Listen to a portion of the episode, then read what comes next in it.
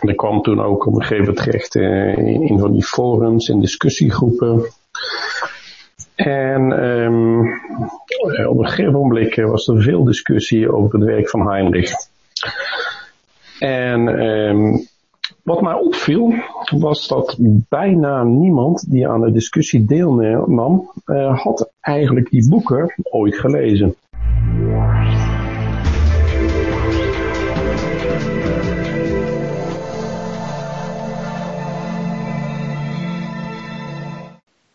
Safety Monkey Podcast, Timothy hier. Podcastaars, vandaag is een grote naam in veiligheidsland. Niemand minder dan Karsten Bush. Karsten, auteur van de veiligheidsfabels en recent van het boek If You Can't Measure It, Maybe You Shouldn't, um, komt vandaag om de podcast koffie. Karsten is waarschijnlijk een van mijn favoriete collega's. Karsten kan op een, op een heel heldere en, en goed onderbouwde manier complexe dingen bespreken. Maar ook dingen die we zomaar aannemen als waar.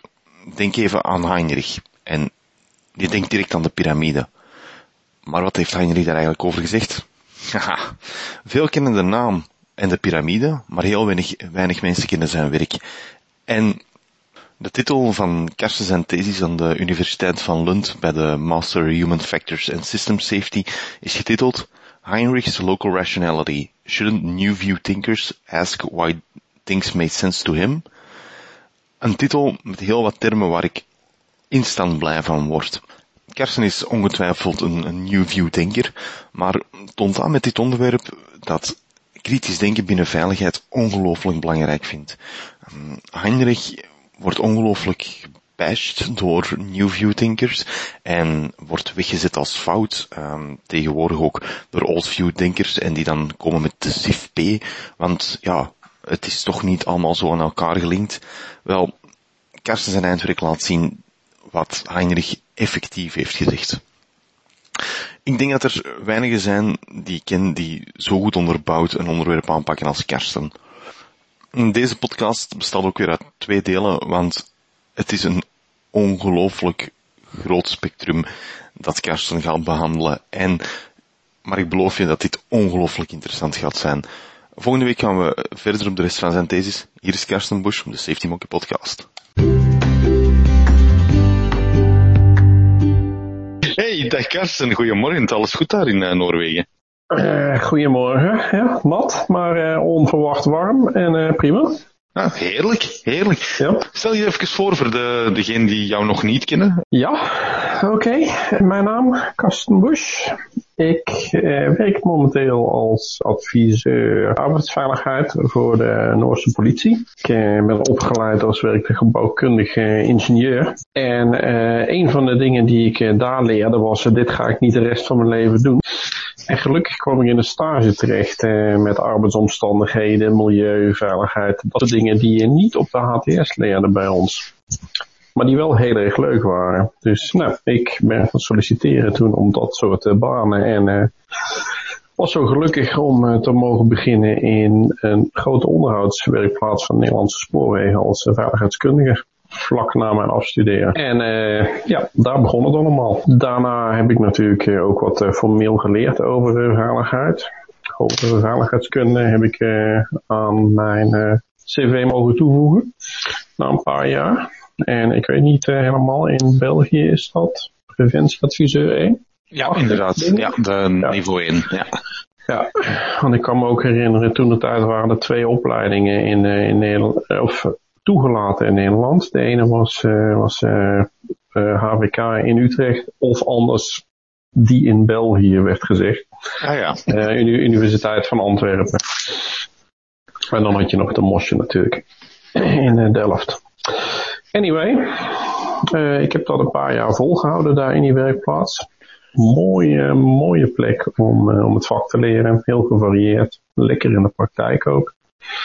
En uh, toen ben ik wat gaan rondstappen. eerst binnen het bedrijf en daarna overgestapt naar een andere tak van, van het spoorwezen, namelijk de infrastructuurbeheerder in, in Nederland, ProRail. En daar heb ik mogen werken met veiligheidsmanagementsystemen en veiligheidsinformatiesystemen en ook heel veel met onderzoek. En op een een of andere manier bracht me dat en mijn gezin toen naar, naar Noorwegen. Pakweg 2007, waar ik begon in, in de Noorse, bij de Noorse spoorweg infrastructuurbeheerder. Mm Waar ik ook ja, eigenlijk laat me zeggen, in ieder geval de eerste uh, zes, zeven jaar met heel veel plezier heb gewerkt. En toen kwam er een reorganisatie. En was er plotseling iets spannends bij de politie. Had ik nooit bedacht dat ik daar zou kunnen gaan werken. Maar wat een ontzettend leuke wereld voor veiligheidskundigen. En het is ongelooflijk gaaf hoe je eigenlijk moet omleren vervolgens van uh, zeg maar een industriële uh, omgeving naar meer uh, transportveiligheid en dan politie. Het is, het is een hele andere wereld in sommige opzichten.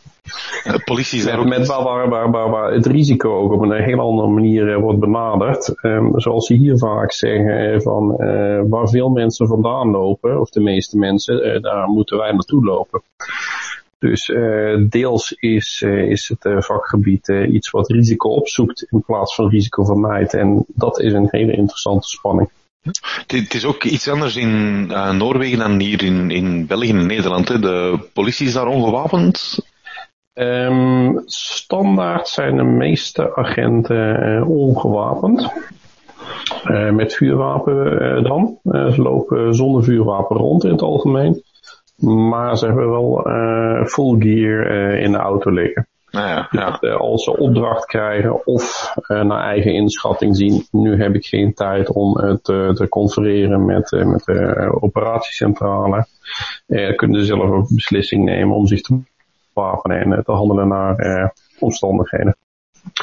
Dus uh, ja, uh, dat is trouwens een heel belangrijk ding ook in, in zeg maar de, de Noorse, Noorse politietraditie, dat ze onbewapend zijn. Dat betekent ook dat ze problemen op een andere manier aanpakken in eerste instantie.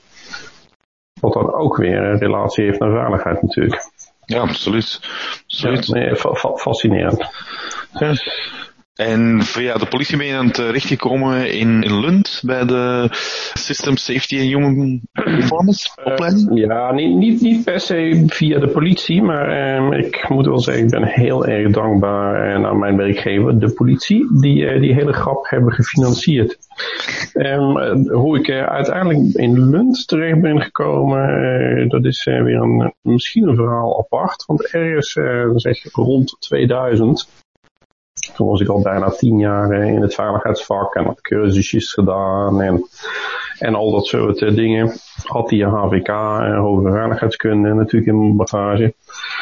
Maar ik besloot, en ik weet niet meer waarom, nu ga ik eens eventjes wat van de veiligheidskundige standaardwerken aanschaffen en lezen.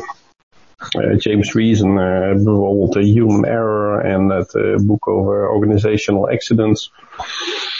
En uh, nog, wat, uh, nog wat van die, uh, van die standaardboeken die er toen waren. En op de een of andere manier heeft dat mijn interesse in de professionaliteit van veiligheidskunde nog eens extra geprikkeld. En, en aangezet. en ook ergens daar de, de ja, zeg maar een, wat zal ik zeggen, zaadje gestrooid voor het, uh, kritisch denken binnen veiligheid. Er kwam toen ook op een gegeven moment terecht in een van die forums en discussiegroepen. En um, op een gegeven moment was er veel discussie over het werk van Heinrich. En um, wat mij opviel was dat bijna niemand die aan de discussie deelnam, uh, had eigenlijk die boeken ooit gelezen. Uh, het grappige was, ik had uh, begin jaar, begin 2000, zeg 2004 of zo, had ik uh, dus stapel boeken gekocht, waarbij twee uitgaven van Heinrich ook. En die stonden in de kast, mooi te zijn, want ik dacht van die wil ik hebben, standaardwerk binnen veiligheidskunde, maar ik was er nooit naartoe gekomen om ze te lezen. En toen waren die discussies aan de gang. En ik denk, weet je wat, ik ga niet in die valkuil trappen, ik ga eens even kijken wat die meneer eigenlijk geschreven heeft. En dan zie je daar een verschil over wat er eigenlijk gezegd was en wat er geschreven is. Dat was voor mij het begin zeg maar van kritisch reflecteren over het uh, vak en ook uh, zeg maar onderbouwd commentaar kunnen geven. Daar gaat ook je thesis dan over, maar dan zowel Heinrich, maar dan de New View en Local Rationality. Ik denk dat dat ja. drie gigantische termen zijn in één titel van een eindwerk. Hoe ben je daar aan begonnen? In die studie, want ik ben dus op een gegeven moment dacht ik, ik, ik moet die, hè, ik heb dat interesse in het vakmatige ontwikkeling en kwaliteit binnen veiligheidskundig werk. Eh, laat ik dat dus even verder formaliseren en eigenlijk uh, de, de studie in Lund, die sprong eruit als dit is de plek waar je moet zijn. Dus daar heb ik me toen voor, voor opgegeven. En mijn baas was bereid om dat te financieren. In, in die studie leer je heel erg om kritisch na te denken over, over dingen. Uh, de, de eerste opdracht die we eigenlijk uh, kregen, of opdracht, zeg maar filosofie, die, uh, die, die er een beetje in zit, is um, je hebt niet per se gelijk.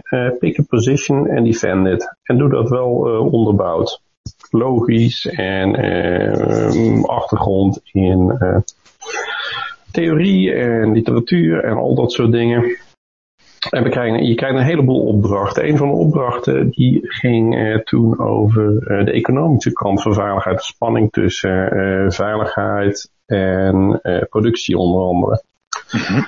En op de een of andere manier gaf ik die, die hele opdracht een wat deels historische draai door Heinrich erin te betrekken. Want een van de eerste dingen waar Heinrich mee bekend is geworden is uh, ongevallen hebben niet alleen directe kosten, wat je ziet, de schade die berokken is en uh, de verzekering en uh, het ziekteverzuim en al dat soort dingen.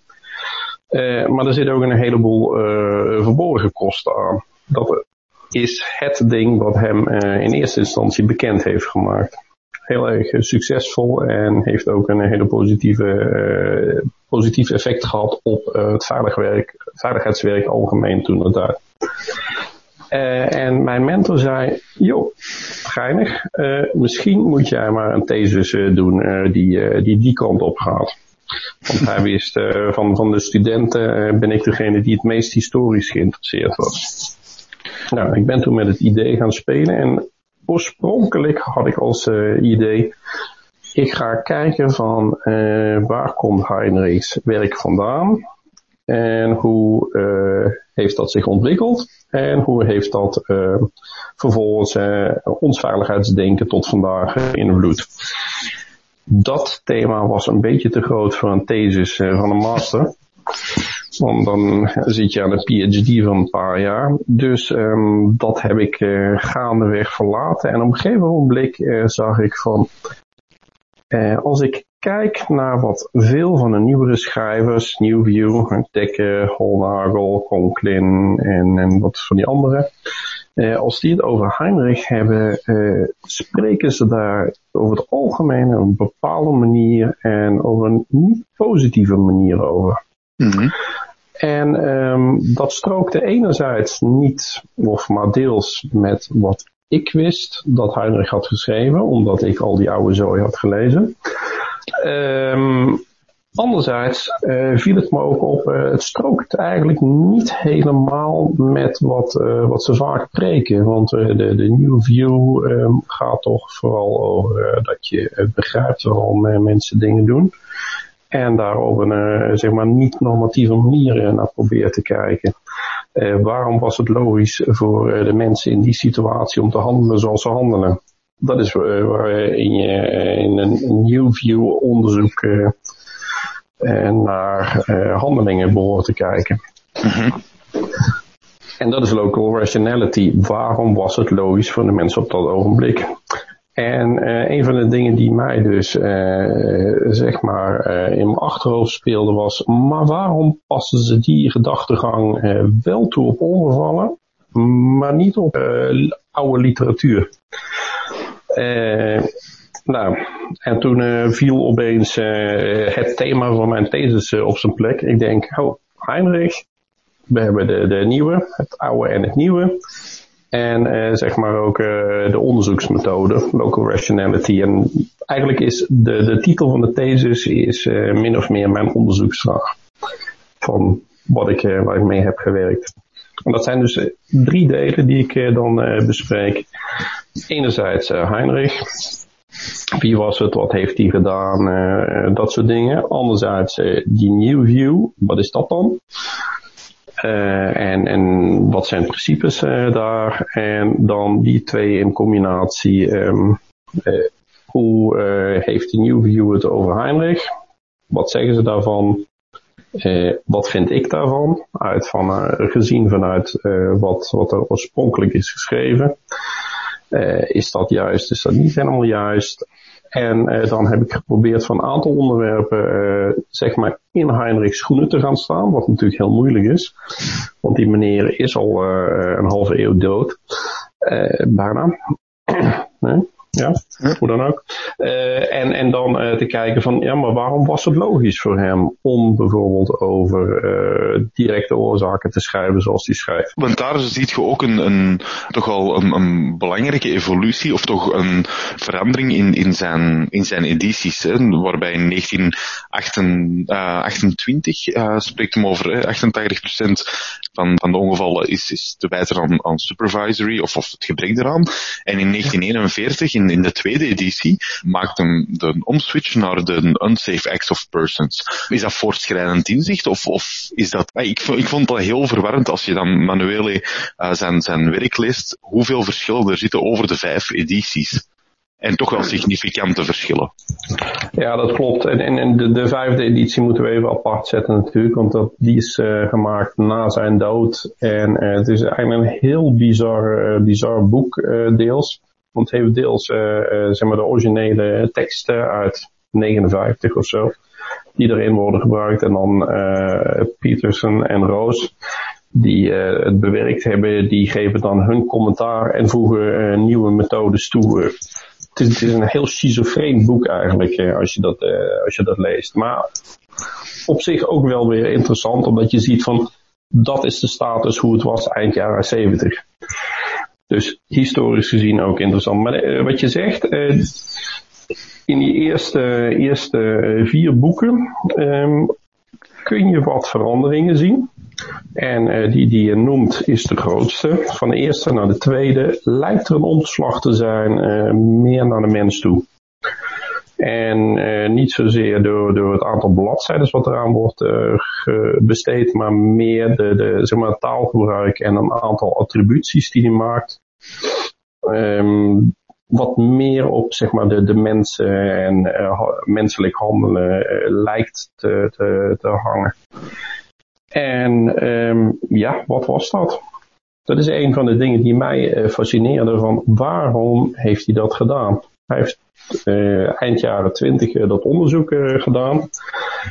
waarbij ze, ik meen 75.000 ongevallen hebben bekeken. En die gecategoriseerd in wat was de belangrijkste, het wel directe oorzaak van die ongevallen. Waarbij ze dus landen op het beroemde getal 2%, die was niet te vermijden. Zeg maar acts of God, wat altijd wordt gezegd. 10% lag aan eh, machines of mechanical hazards en dat soort dingen. En de resterende 88% lag aan de mens. Maar in eerste instantie werd gezegd van, maar de mens wordt gecontroleerd door uh, de leidinggevende. En uh, dus uh, noemde hij dat supervisory causes. Wat eigenlijk heel grappig is, want dat lijkt haaks te staan over, op uh, wat we weten van Heinrich, namelijk dat hij zei, de meeste ongevallen zijn te wijten aan de mens. Mm -hmm. Dat zei hij ook in 31 of 28. Maar uh, toen noemde hij het uh, supervisory causes. Um, als je dan naar 41 kijkt, waar hij rechtuit zegt van uh, 10% ligt aan zeg maar unsafe conditions en uh, 88% ligt aan unsafe acts het even in, die woorden uh, te zeggen. Um, dan kun je afvragen van wat, wat was dat? Waar, waarom is die van de supervisory nu eigenlijk overgegaan naar die, naar die acts? En um, ik denk, enerzijds is dat je kunt voortschrijdend inzicht noemen, maar misschien eigenlijk uh, een beetje een stroomlijnen van, zijn, van zijn verhaal. Wat hij ook in de intro zegt, dat hij een deel heeft gestroomlijnd. Um, als je namelijk kijkt naar wat ligt er binnen die, wat hij eerst supervisory noemde, dan liggen daar heel veel dingen waar je van zegt van, nou, dat is ook eigenlijk wel, um, dan heeft hij het over handelingen. Uh, het andere, uh, wat misschien, maar dat beschrijft hij dan weer niet. Um, als je zegt van uh, een, zeg maar een leidinggevende, direct leidinggevende die oorzaker is geweest in een ongeval, dan heb je het toch vaak over achterliggende oorzaken. Mm -hmm. En wat hij in zijn staartje aangeeft, zijn directe oorzaken. Dus misschien besefte hij wel van, hm, hier ben ik uh, termen aan het, uh, aan het mixen die misschien niet helemaal juist zijn. Dus ja, ja. is dat wel wat hij bedoelt van dat hij de boel een beetje heeft opgeschoond. En nu heb ik heel recent, en, en dat is een, misschien een hele, inter, ja wat zal ik zeggen, een beetje zo'n conspiracy theory. Um, ik heb uh, wat, wat oude documenten opgesprokkeld van, um, ja, wat is het, het Bureau of Labor Statistics of zo. Wat, wat oude vergaderverslagen. En daaruit kun je de suggestie afleiden dat uh, toen de tijd, begin jaren 30, was voorgesteld om een nieuwe uh, klassificatiemethode voor ongevalsoorzaken op verzekeringsformulieren. En Heinrich had dus zijn supervisory en mechanische dingen, oorzaken als hoofdcategorieën.